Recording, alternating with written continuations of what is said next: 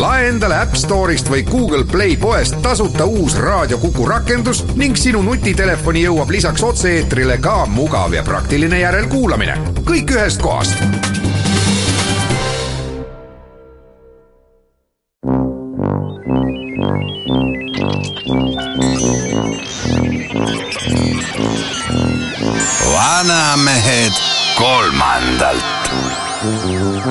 vanamehed aitab kolmandale Eesti Koostöökogu.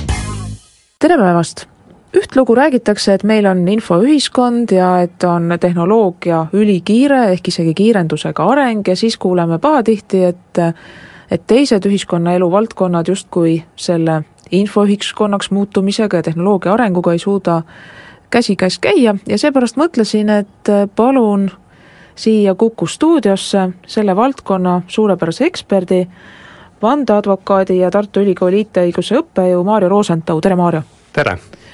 ja saatejuhi rollis on Ülle Madise ja hoiatan ette, et salvestame seda saadet mõne aja ette, kuna Maarjo on niivõrd nõutud spetsialist, et äh, jõulu- ja reisigraafikud sunnivad meid varem jutuga peale hakkama. nii et kui vahepeal on midagi olulist muutunud, siis äh, me lihtsalt seda ei tea aga niisiis äh, definitsioonist hakkame peale. et mis on infoühiskond, mis vahet on inimese jaoks selles, kas ta elab täna infoühiskonnas või siis elab mingisuguses äh, eelmises normide ja väärtuste alussüsteemis? Äh, ühe moodsa määratluse järgi ühiskond on normide ja väärtuste alussüsteem, millest inimesed oma tegevuses juhinduvad. ja kui me nüüd tahame vastata küsimusele, et mis on infoühiskond, ennekõike muidugi küsimus oli sellest, kas infoühiskond on pelk nimi või on ta nüüd uus olemus,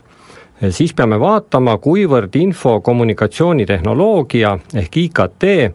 on muutnud seda normide ja väärtuste alussüsteemi, millest inimesed juhinduvad, võrreldes seniste ühiskondadega. ja ikkagi ma tahaks küsida, et mida see ühe konkreetse inimese jaoks tähendab, et kui näiteks tänapäeva inimene paigutada aega sada aastat tagasi, saaks ta hakkama või kui, kui sada aastat tagasi elanud inimene tuua tänasesse päeva, kui kiiresti tema kohaneks. et tahan tüürida sinnapoole, et kas muutunud on ka inimeste aju, et, et mis on muutunud ja mis eristab infoühiskonda siis eelmistest ühiskondadest? võib-olla üks põhimõte, millest võiks lähtuda, kuigi neid äh, infoühiskonna määratlemise kriteeriume, mõõdupuid võib olla erinevaid, aga pakuksin siis välja ühe sellise eh, nii-öelda kahju põhimõtte, eh, mis on vastupidi tuntud utilitarismile, utilitarismi printsiibile, mille järgi eh, tuleks tagada maksimaalselt suur õnn maksimaalselt suur, suurele hulgale inimestele. aga kahju vältimise põhimõte ütleb vastupidi, et me peaksime tagama võimalikult väikese kahju võimalikult väikesele hulgale inimestele ja võimalikult väikese kahju selles hulgas kõige enam kannatavale inimesele, et see on siis selline täiendatud eh, pöördutilitarismi põhimõte ja selle põhimõtte järgi siis vajadus, inimvajadus selle tõelises tähenduses on mingisugune kahju vältimise normtase. ja järelikult tuleb vaadata, et kas on tekkinud infoühiskonna kahju vältimise normtasemed, ehk siis kui palju on tekkinud sellist teavet ja infolahendusi, ilma milleta inimesed kannataksid või saaksid kahjustatud. ja kui me nüüd ringi vaatame, siis kahtlemata on ju sellised informatsioonitasemed tekkinud. kas või võtame näiteks GPS, mis on hea näide ka selle poolest, et, et see on puhas tehisinformatsiooni andev süsteem, see tähendab, mitte kusagil looduses, universumis sellist informatsiooni ei ole, inimene on loonud selle eh, süsteemi, selle infoallika ja päästeteenistustele ja ohtu sattunud inimestele see on ju täiesti selline kahju vältiv informatsiooni tase, et ta saab öelda, kus ta on, saab teatada päästjatele, kus ta asub aga asjal on ka teine külg, esimest korda märkasin seda mõned aastad tagasi Soulis viibides, kui võtsin Souli kaarti välja ja üritasin taksojuhile selgitada, kuhu ma sõita tahan, sellepärast et ühist keelt meil ei olnud ja ühist äh, tähestikku samuti mitte. Ja usu või ära usu, aga see taksojuht vaatas seda maakaarti nagu öeldakse vist, et vasikas aiaväravat, selles mõttes, et tema tegutses ainult GPS-iga juba tollal ilmselt aastaid, ma ei tea, kas ta koolis oli kunagi kaardi lugemist õppinud, aga oli ilmselge, et ta tõesti ei saanud aru, millega võiks tegemist olla. ja et kas me tegelikult ei hakka jõudma ka sinna, et, et ühel hetkel Eestiski, et vähe sellest, et sa ei suuda autoga sõita lihtsalt siltide ja viitade järgi ja, ja näpuga teede atlases rida ajades, vaid sõidadki ainult GPS-iga, lõpuks jõuad sinnani, et sa ka linnas orienteerumiseks ei kasuta enam mitte kaarti, vaid teed mobiilis oma selle GPS-i lahti ja lähed selle järgi. Ja vastavalt kaovad ära ka tänavasildid ja viidad maanteede äärest. Mitte, mitte ainult, et teeme mobiiltelefoni lahti, vaid tulevikuvisioon võib olla selline, et juhul, kui õnnestub äh, pilt projitseerida otse silmavõrkkestale, siis me hakkamegi tänaval niimoodi kõndima, et me võime näha enda ees samaaegselt ka kaarti ja GPS-andmeid, orienteeruda võib-olla silmaga kasutajaliidest juhtides, esitada ka küsimusi, kuhu me minna tahame ja, ja sellisel juhul GPS hakkabki meiega kogu aeg kaasas olema. iseenesest äh, olles navigeerimissüsteeme kasutanud isiklikult juba aastaid, võin öelda, et alguses tekkis tõepoolest selline efekt, et kui ma olin navigaatori järgi kusagile sõitnud, siis pärast ilma ei osanudki sinna sõita, aga sellega sai mõne aja jooksul jällegi harjutud, et, et hakkasin navigaatori järgi sõites siiski panema tähele ka seda, et kuidas ja kuhu ma ikkagi sõidan kas sa oled seda ka märganud, kui me nüüd räägime edasi GPS-ist ja katsume siin äh, seda infoühiskonda ja temast tulenevaid muudatusi inimese jaoks kuidagi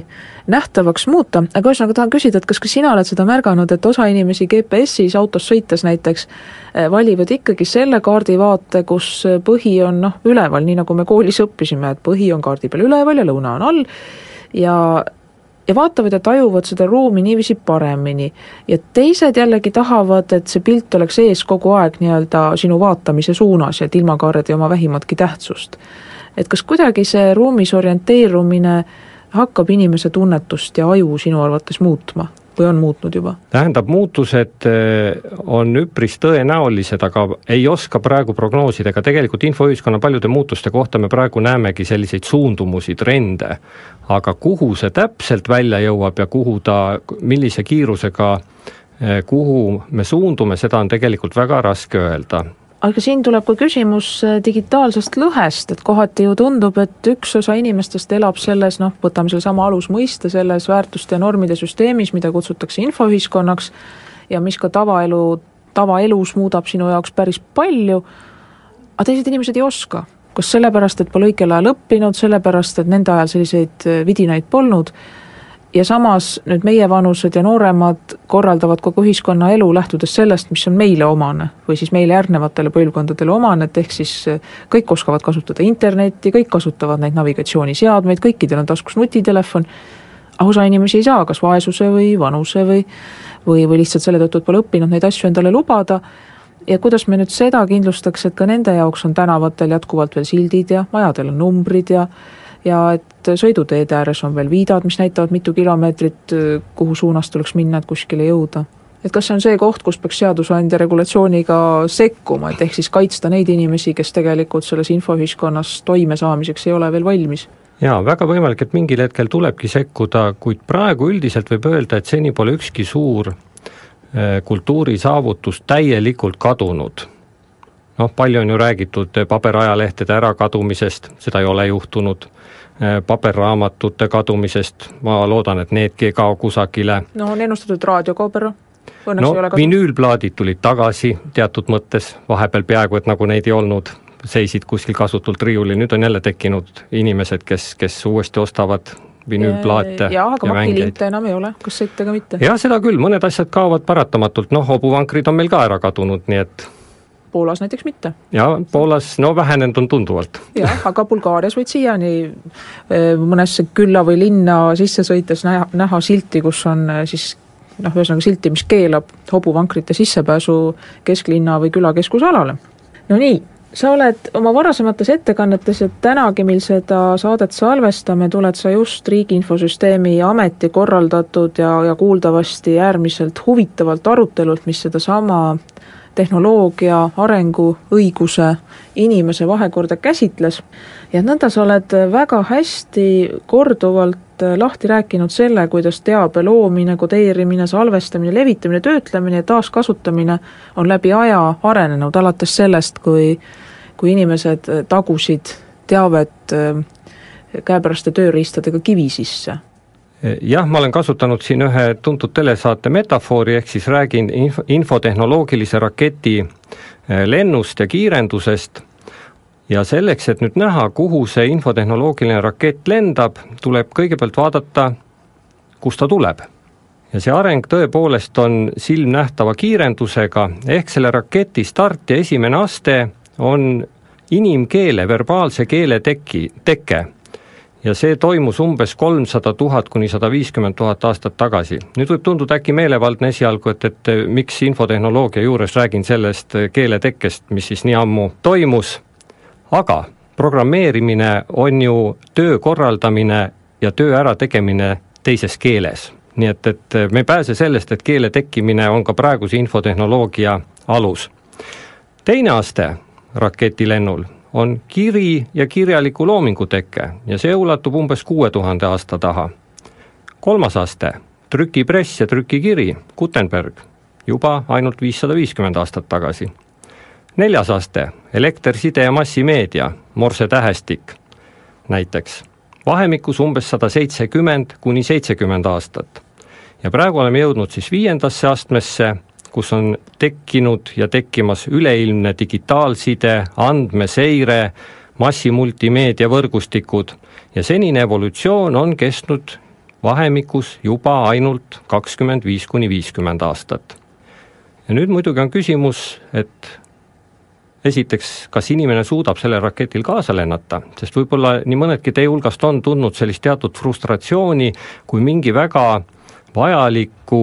digitaalse töövahendi, näiteks tekstiredaktori kasutajaliides ühtäkki muutub no, ja, ja tuleb uuesti hakata seda otsast peale õppima, et, et kus need funktsioonid on ja, ja ja tihtipeale on ju ka nõnda, et, et selle usability või kasutajasõbralikkuse peale polegi nii väga mõeldud, et ma siin ei taha antireklaami teha, aga ilmselt paljud teavad juba, millest ma räägin, et väga paljudes kontorites on on teatud väga, väga, väga levinud tasulist tarkvara siin just hiljuti vahetatud,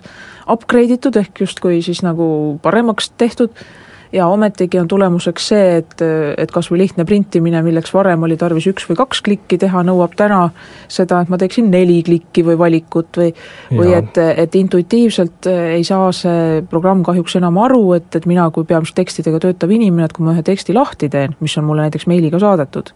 pole mul mõtet küsida, kas ma tahan avada või salvestada. ikka alati avada ja nii edasi, nii et, et mulle tundub, et see usability on siin äh, vägagi tähtis ja noh, ajab vihale küll, kui sa ei saa enam tööd teha. jaa, täpselt niimoodi, ma olen täiesti nõus sellega, et mitte sugugi äh, iga uuem lahendus on parem kui eelmine ja, ja on tulnud neid äh, hiireklikke ja, ja shortcut'e on lisandunud, mitte et neid oleks vähemaks jäänud, muidugi siin on näha ka sellist teatud tehnoloogilist tagamaad, nimelt mitmed need lahendused üritatakse samaaegselt teha ka mobiilsetele seadmetele, aga see, selle tõttu seda kasutajaliidest on, on muudetud eh, jah, kahjuks on kadunud see diversiteet, et tegelikult võiks kasutajaliidesed olla eh, lauaarvutile ja mobiilseadmele erinevad, aga, aga paraku ökonoomsuse printsiibil üritatakse vist neid teha ühesuguseid ja tulemuseks on see, et, et kuskil keegi kaotab. Et IT-spetsialistid on minule näiteks öelnud seda, et see konkurents turul kas või siin noh, ütleme Microsofti ja Apple'i vahel on niivõrd äge, et tegelikult tullakse välja oma uue tarkvaraga enne, kui on korralikult äh, võimalike kasutajatega testid tehtud ja sellepärast isegi väidetavalt on soovitus, et, et neid kõige esimesi versioone kohe endale mitte arvutisse laadida, sellepärast et niikuinii kahe nädala pärast tulevad parandused ja, ja kõik tuleb jälle ümber teha, et mina ei tea, kas see on tõsi või mitte, aga selle üle jääme mõtlema ja arutama ja kuulame pisut reklaami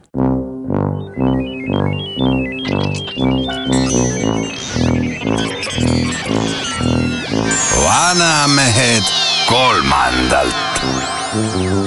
vanamehed aitab kolmandale Eesti Koostöökogu. tere tagasi kuulama, täna räägime infoühiskonnast ja katsume selgeks saada, mida see infoühiskond õigupoolest meie kõigi elus on muutnud, mida ta veel muudab ja küllap saab siis ka järeldada, kas, kas nüüd on siis parem kui varem või tuleb lihtsalt leppida. saatekülaliseks on vandeadvokaat Maarja Rosenthal, kes äh, on ka väga tunnustatud ja minu arvates väga-väga hea äh, infotehnoloogia õiguse ekspert ja õppejõud. mõneti seda juba käsitlesime, aga ikkagi, et, et mis piirini suudab inimaju nende muutustega kaasas käia, et sa enne reklaamipausi nii kenasti selgitasid, kuidas noh, kommunikatsiooni ehk siis ütleme siin teabe edastamise ja vahetamise süsteemid on on arenenud, alates sellest, kui hakkas kõne tekkima ja kiri ja aga et nüüd räägitakse ju, et see areng on noh, eksponentsiaalne või toimub tohutu kiirendusega, et et sisuliselt neid uuendusi ja väga olulisi uuendusi tuleb pidevalt peale, et sa ei kujuta seda isegi ette juba jõudsid sinagi mainida seda, mis tundub päris kujuteldamatu, et et silmavõrkestale projitseeritakse maakaart või mingisugune navigeerimisjuhend, mis tõenäoliselt lindudel on kuskil organismis sees ja nüüd tekib see ka inimestel, aga mingil muul moel. et niisiis, kas oled selle kohta lugenud või, või mida arvad, et, et kuivõrd inimaju suudab kaasas käia? ja eks ma küsimusega sihin ikka sinna, kuhu me ehk saate lõpus välja jõuame, et kas ühel hetkel hakkab tehnoloogia valitsema inimest või inimene valitsema tehnoloogiat? jah, siin on äh, olemas juba ka tehnoloogilised väljakutsed ja katsetused, nimelt äh, mõned suurfirmad äh, üritavad uurida aju sellist nii-öelda lihtsustatult öelduna ajumustrit, mis tekib teatud sõnadele mõeldes. Ja selle eesmärk on mõistagi luua selline mõtte teel toimiv kasutajaliiges, kus inimene võiks arvutiga suhelda noh, arvuti nüüd kõige laiemas mõttes, igasugune seade, kus on protsessor ja mälu sees, eh, võiks selle seadmega suhelda ja talle käsklusi anda mõtte teel, ega me ei tea, et eh, moodsas hävituslennukis juba eh, piloot näiteks ütleb control fire ja lennuk avab tule. et, et see ei ole sugugi välistatud, me ei tea lihtsalt seda praegu. ühesõnaga, sellises suunas töötatakse. kui nüüd see õnnestub, siis toimub tõesti ju mõtlemises üks oluline muutus. tähendab, praegu me näeme seda, et lapsed selle asemel, et kirjutada pliiatsiga, veavad sõrmega ekraanil, suurendavad, äh, vahetavad pilte ja nii edasi, ehk see peenmotoorika, mis enne oli omane selline tavalisele sulepeaga kirjutamisel, see on asendunud mingisuguse teise motoorikaga. nüüd psühholoogide ülesanne on loomulikult uurida ja teha kindlaks, kas see on kahjulik, ehk me enne rääkisime, et, et me peame vaatama ennekõike kahjude vältimise eh, poole pealt neid muutusi, et kas on kahjulik inimese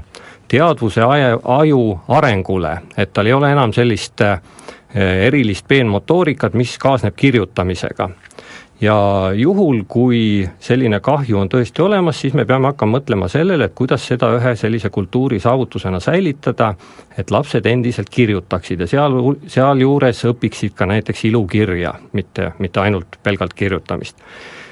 Ja teine, mis on siin nüüd oht sellele, et kujutame nüüd tõesti ette, et inimene saavutab eh, oskuse, omaduse, võimaluse eh, suhelda masinatega mõtte teel siis me avame ühe teise Pandora laeka. praegu eh, neuroteaduste järgi inimeste mõtete lugemine on tehniliselt tegelikult võimatu, sellepärast et see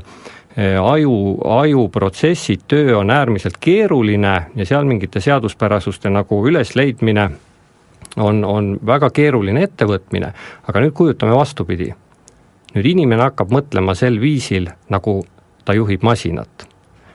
ja, ja kuna see antakse masinale, need käsud antakse edasi mõtete teel ja kui inimene ka samal viisil mõtleb, siis tegelikult on see tema mõtete lugemine juba suht lihtne ülesanne. et just selle üle ma jäingi sind kuulates mõtlema, et et noh, öeldakse ju praegugi, et mõte on tegu, et ehk siis ära, ära sisesta endale halba või ära ole pessimist, ära, ära nea teist inimest, ära soovi talle halba, et, et see on et sa arvad küll, et see on ainult mõte, aga et see kuskilt kuidagi ikka mõjub, noh, sellest, sellega on nüüd nõnda, et, et keegi ütleb, et ah, see on mingi esoteerika ja keegi teine arvab, et see tõesti mingil viisil niiviisi on.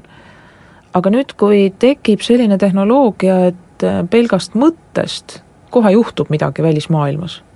et täna ühel tervel täiskasvanud inimesel on ikkagi võimalik mõelda oma mõtteid ja seda üldse mitte välja näidata, et mitte silmagi pilgutada, mitte kunagi sellest rääkida ega kirjutada, mitte midagi teha, aga lihtsalt mõelda. Ja võib-olla vahel ka mingi häbiväärse mõtte või, või kurja mõtte, aga siis justkui see võimalus kaob ära, et noh, kui sa ütled, et näiteks äh, hävituslendur lihtsalt äh, ühel hetkel mõttega, et nüüd pomm ja pomm läheb. jah, aga see ei olnud juhus, et ma ütlesin enne contr-, control fire, see tähendab, et ees peavad olema mingid kontrollsõnad ja nii-öelda, et, et see see käsk, mis antakse arvutile, see on siiski kontrollitud ja, ja ei ole samane nende mõtetega, mida inimene igapäevaselt mõtleb. aga kui juba selliseid käskusi suudab mingi masin vastu võtta, siis loomulikult on ta võimeline tuvastama inimese peas ka neid sõnu ilma nende kontrollkäskudeta, ehk lihtsalt nii-öelda lugema kui mitte otseselt mõtteid, siis tegema mingis mõttes kindlaks, millega inimene näiteks tegeleb antud hetkel ja siit oleme jõudnud pika sammuga tegelikult selle isiksuse põhituuma või isiksuse sõltumatuse ja autonoomia juurde. et kuivõrd on infoühiskonnas praegu ja tulevikus võimalik seda kaitsta, et noh, jällegi väga sageli infotehnoloogid ju kurdavad selle üle ja visionäärid, et äh, juuramaailm ja poliitikamaailm ühelt poolt ei saa aru, võib-olla näiteks Bitcoinidest noh, ei saagi nii väga hästi aru, ja teiselt poolt vahel ei taha aru saada sellest, et maailm on muutunud, et näiteks niisugust privaatsust nagu siis, kui see privaatsuse doktriin tekkis, täna enam noh, ei ole, ei saa olla, et võib-olla me ei pea mitte nii palju muretsema selle pärast, et äh, kuskile keegi infot kogub, kuivõrd panema rõhu sellele, et seda infot ei tohi kuritarvitada. ja seejuures defineerima kuritarvitamise ja karta võib, et see kuritarvitamise mõiste on ka muutunud noh, näiteks võrreldes mõnede aastakümnete taguse ajaga selliseks küllaltki kitsaks, et ehk siis väga palju rohkem on täna lubatud. nii et kui, kui tekib võimalus inimest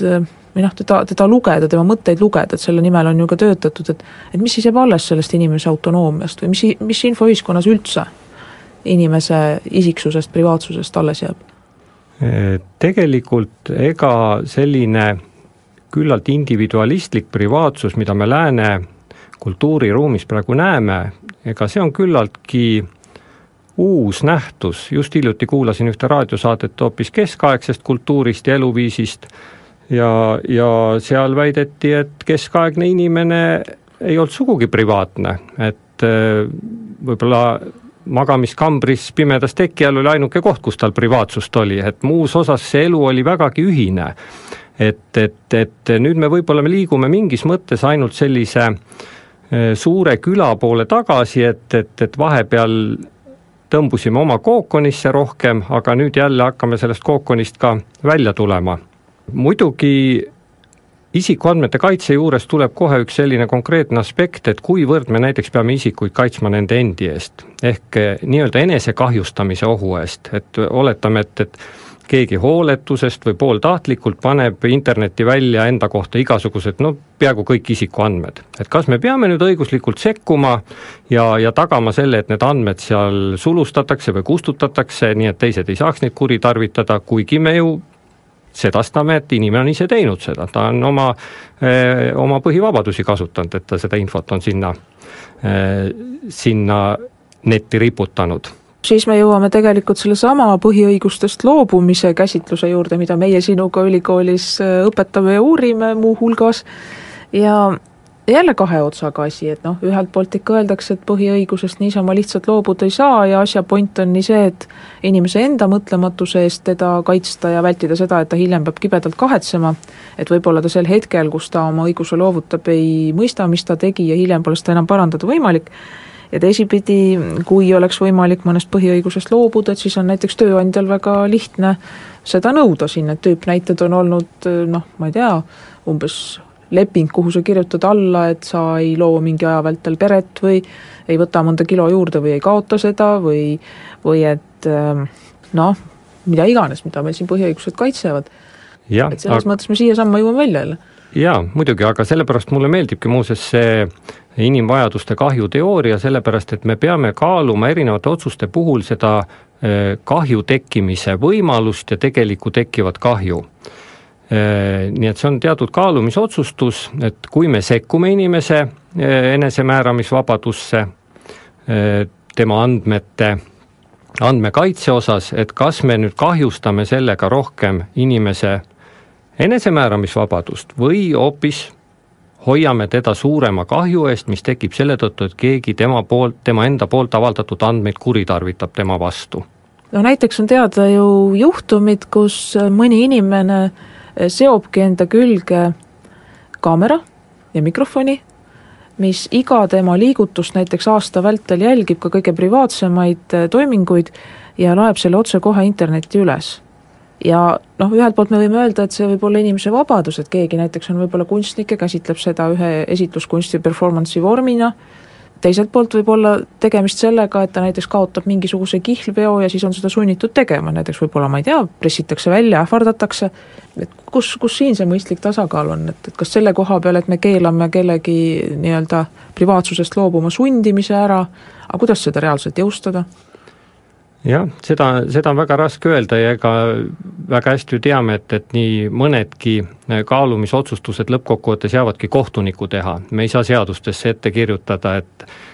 mis on konkreetselt kästud ja keelatud, aga jällegi, kui sa jätad selle kohtunikule, siis niikaua, kui asi kohtuotsuseni jõuab, on üldiselt päris suur kahju juba tekkinud. ja infoühiskonnas jällegi, kas see noh, unistus, et olemas on päris kinnised kohtuprotsessid ja et keegi ei saa teada, noh, pole enam nii, mobiiltelefon on igaühel taskus ja et ega, ega neid ka kohtusaalis iseenesest tihtipeale ju ära ei, ei korjata. jaa, kindlasti ja veelgi enam, ma olen siin eelnevates ettekannetes ka väitnud äh, äh, küsimuse kohta, et kas suur vend tuleb, ehk siis parafraseerides Orwelli tuhat üheksasada kaheksakümmend nelja, siis ma paraku pean pigem tõdema, et kindlasti tuleb. ta ei tule meie magamistuppa, ei tule loodetavasti meie korterisse, aga avalikku ruumi tuleb ta peaaegu kindlasti ja miks? aga sellepärast, et need vahendid, mida annab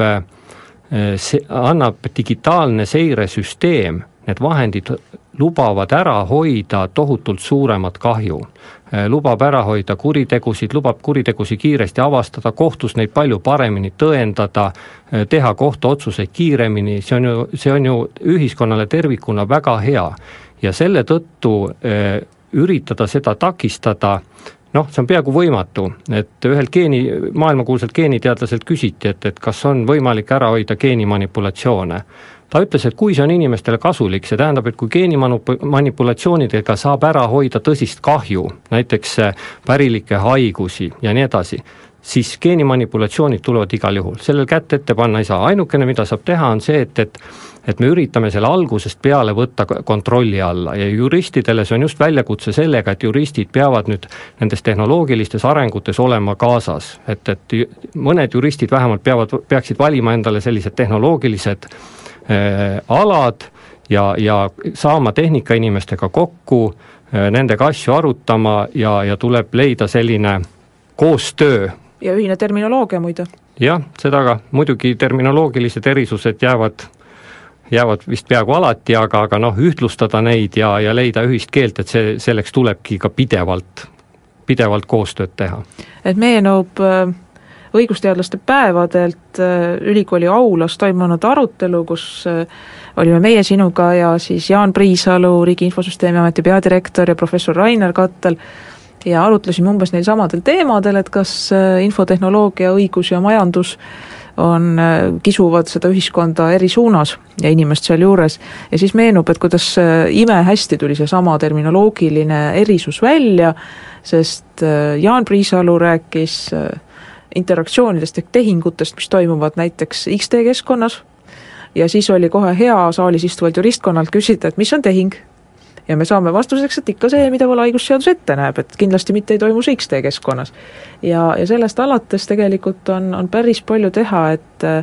matemaatikuna mõtlevad inimesed ja juristina mõtlevad inimesed üksteisest aru saaks, et kas või suudaks otsustada, kas miski on võimalik või võimatu. nüüd jäi üks valdkonna terminoloogia siit tegelikult veel välja, sellepärast et alati saavad kokku kolm valdkonda. Eh, infotehnoloogia ja juura on mõlemad teenindavad valdkonnad ja. ja nüüd on see kolmas valdkond, keda nad teenindavad. ja nüüd on vaja mõistestikud ühildada veel nende kolme valdkonna vahel, ehk Äh, infotehnoloogiaga tegeleva juristina ma tean, et, et äh, mul tuleb laua taga need kolm,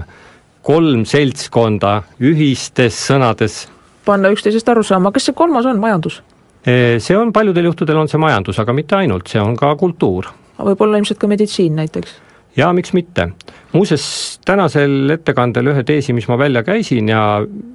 mida ma tahaksin ka öelda, on just nimelt see, et infotehnoloogia puhul meil ei ole enam tegemist tootmistehnoloogiaga, vaid see on kultuuritehnoloogia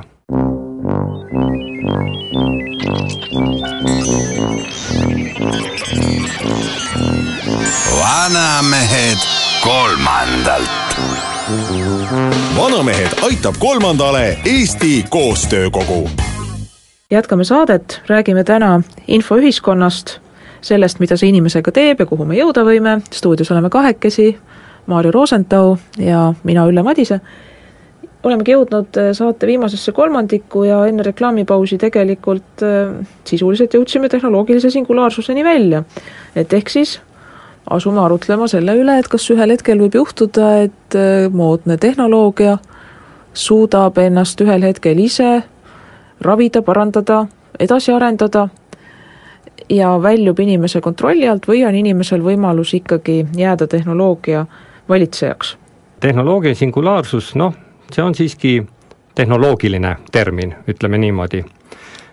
Nagu ma juba enne ütlesin, infotehnoloogia on tegelikult suuresti kultuuritehnoloogia. kultuuritehnoloogia kõlab tegelikult äh, päris huvitavalt, et võib-olla sa räägid lahti, mida sa selle all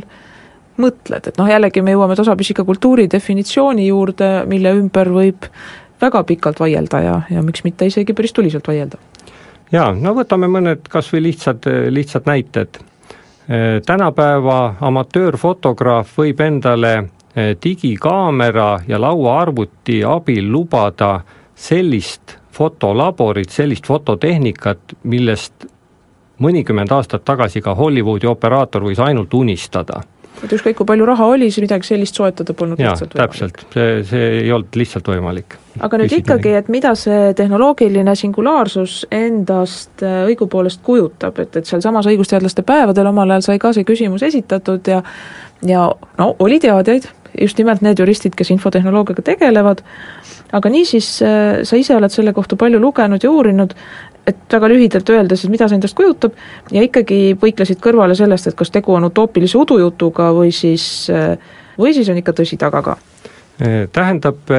noh, ma võib-olla korraks võrdleksin ühe hoopis teise tuntud seadusega, see on siis niinimetatud Moore'i seadus, mille järgi iga kahe aasta tagant pooljuhtide arv protsessoris kahekordistub. jah, iseenesest on see huvitav ja seni kehtiv eh, seadus, aga selles seaduses tuleb täielik muutus ja hüpe sel hetkel, kui, tuleb kvantarvuti. kvantarvuti töötab hoopis teistel põhimõtetel, hoopis teised nii, nii nimetatud kvantalgoritmidega, kuubittidega ja nii edasi, ja sellisel juhul see seadus sellisena ei saa enam edasi kehtida. nüüd sama on selle tehnoloogilise singulaarsusega, mis iseenesest hästi lihtsustatult tähendab, et kuskil seal kahekümne esimese sajandi keskpaigas saabub selline hetk, kus inimvõimed ei käi enam tehnoloogiast üle ja tehnoloogia hakkab iseennast edasi arendama ja siis ühel hetkel võib ta noh, sellise musta stsenaariumi järgi ühel hetkel võib see uus tehnoloogia leida, et aga milleks see inimene siin maa peal üldse on. jah, segab. jah, aga mina olen tegelikult sellisel hoopis optimistlikumal seisukohal, esiteks ma arvan, et et selline inimmõistuse ja inimaju simuleerimine, see võib osutuda tehnoloogiliselt võimatuks. olles kuulnud siin natukene ajuuurijate ettekandeid ja paari artiklit sirvinud, siis, siis see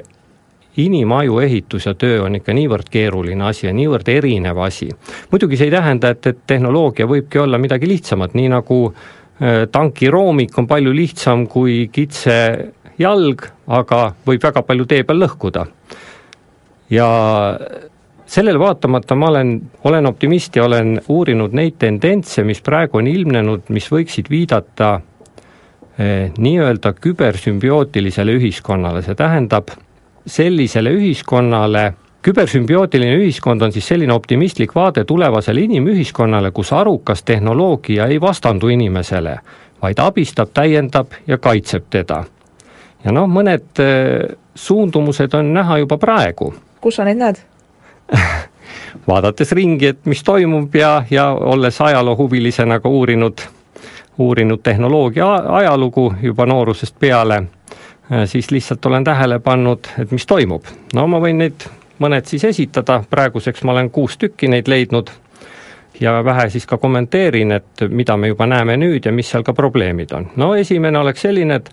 arukad masinad teeksid ära inimesele raske, tüütu või üle jõu käiva töö ja samas aitaksid teda ka loovas töös. tegelikult see on ju kõik juba näha. aga see on suhteliselt äh, alguses. muuseas, inimesed unistasid sellest juba väga ammu, üks äh, antiikaja filosoof juba arutles selle üle, et millal orjandus kaob ja vastus oli temal see, et siis, kui masinad hakkavad orjade asemel tööd tegema ja osalt on see tõesti juhtunud, et seda võivad inimesed ka näha, et, et sageli on kadunud kassapidajad näiteks supermarketitest, selle asemel on masin, kodus on paljudel robot-tolmuimeja ja räägitakse sellestki, et kas või voodihaigete hoolduses, kus töökäsi tõenäoliselt lähiaegadel enam ei jagu, et siis asendatakse need teenused vähemalt osaliselt siis masinatega, masinad lähevad järjest targemaks, noh 3D printeritest ei hakka siin praegu rääkimagi jah, täpselt nii, ühtepidi see võib tunduda, et, et nagu ebainimlik, et, et masinad vahetavad inimesi välja, aga samas, kui me eriti, kui Euroopa majandussfääris arvestame sellega, et elanikkond vananeb, tööjõud tuleb vähemaks, siis see on võib-olla ainukene pääsetee üleüldse, et, et inimeste asemel hakkavad tööd tegema robotid nüüd teiseks on eh, kehalise võimekuse taastamine ja parendamine organismi jälgimise süsteemide, proteeside, nanotehnoloogia ja teiste arukate vahenditega. no näiteks on olemas selline visioon, et äh, lähitulevikus inimene perearsti juurde minnes annab perearstile mälukaardi, perearst paneb oma arvutisse, vaatab seal igasuguseid diagramme ja ütleb, et vot, võiksid süüa seda, mitte süüa seda teist asja, võib-olla tuleb ka ühte rohtu natukene võtta ja nii edasi, see tähendab, et seadmed hakkavad jälgima inimest ja tegema ära ka osaliselt arstitöö, just sellist diagnostika ja jälgimise töö ja tegema seejuures ka seda tööd, mida arst tegelikult ei saagi üldse teha. seda tähendab, et oma patsienti pidevalt jälgida no ja mis on, mis saab veel parem olla, kui kulunud liigesed või kulunud organid saab asendada töökindlamatega, et kas siis on kasvatatud inimese enda kudet osavalt või siis tehnoloogia pakub meile juba ka selliseid materjale, mis kuuldavasti ka paljusid inimese organeid ja organismi osi on võimelised arendama, et, et miks mitte, näiteks pime saab nägijaks kurt saab nii. kuuljaks, see, kellel on südakops või maks läbi, saab endale uue organi. jah, on olemas lausa selline uus teadusharu nagu äh, sünteetiline bioloogia, ehk juba on loodud ka tehisbakterid äh, nüüd üks oluline asjaolu ongi, et infotehnoloogia on võimaldanudki ka uute teadusharude teket, ega genoomika ei oleks ilma arvutita võimalik. see on võimalik ainult tänu äh, raalimistehnikale. nii, ja nüüd sa jõuad oma kolmanda astme juurde? nii, kolmas on siis see on nüüd vähe utoopilisem, ta on osaliselt olemas, eh, kas või meie seasöögikohas olevate kaamerate näidistena, aga see on siis üleilmne võrgustatud andurite sensorite süsteem, millele siis põhimõtteliselt võiks olla vaba juurdepääs reaalajas, aga tagasivaatavalt näiteks ainult kohtu loal ja sellisel juhul saaks neid eh, salvestisi kasutada kuritegude avastamiseks,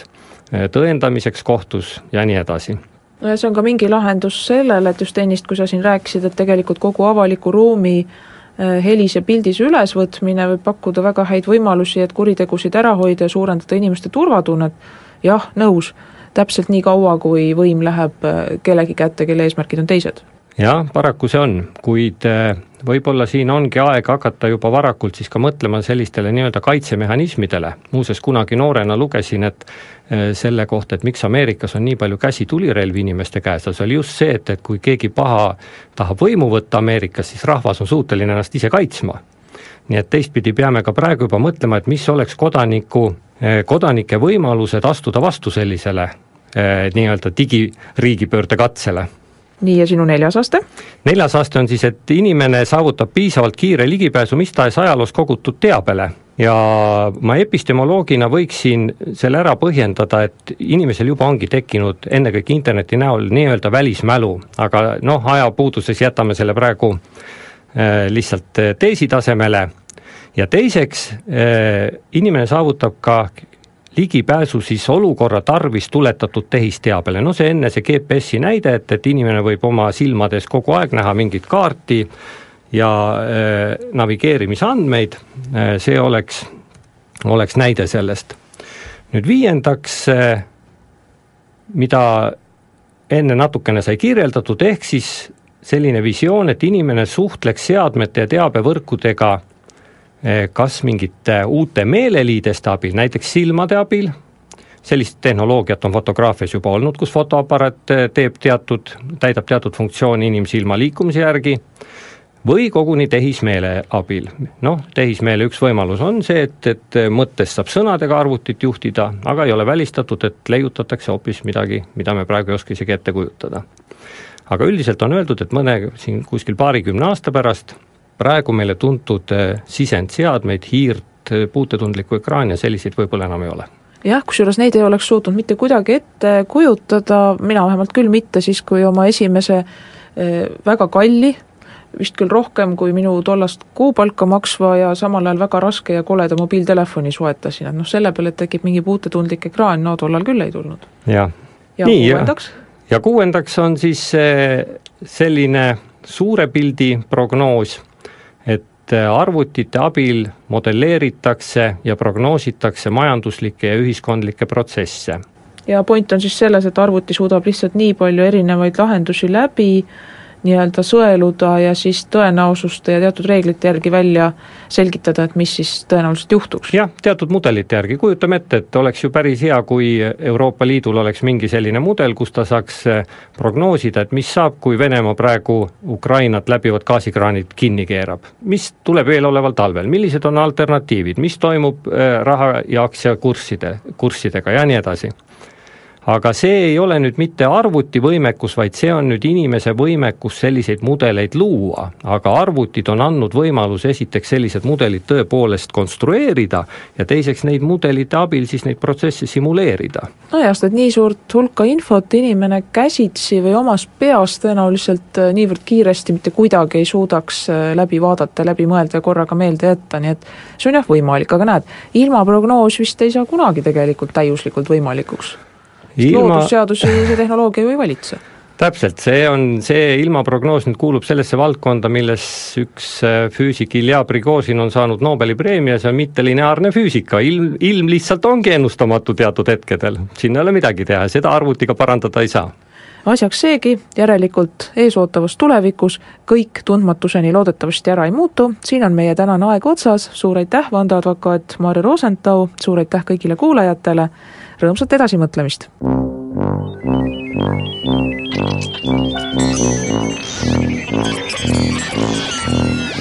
vanamehed kolmandalt.